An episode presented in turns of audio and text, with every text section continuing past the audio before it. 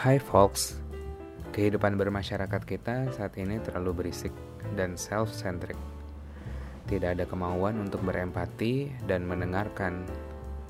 Di sini, kamu akan didengar tanpa penghakiman.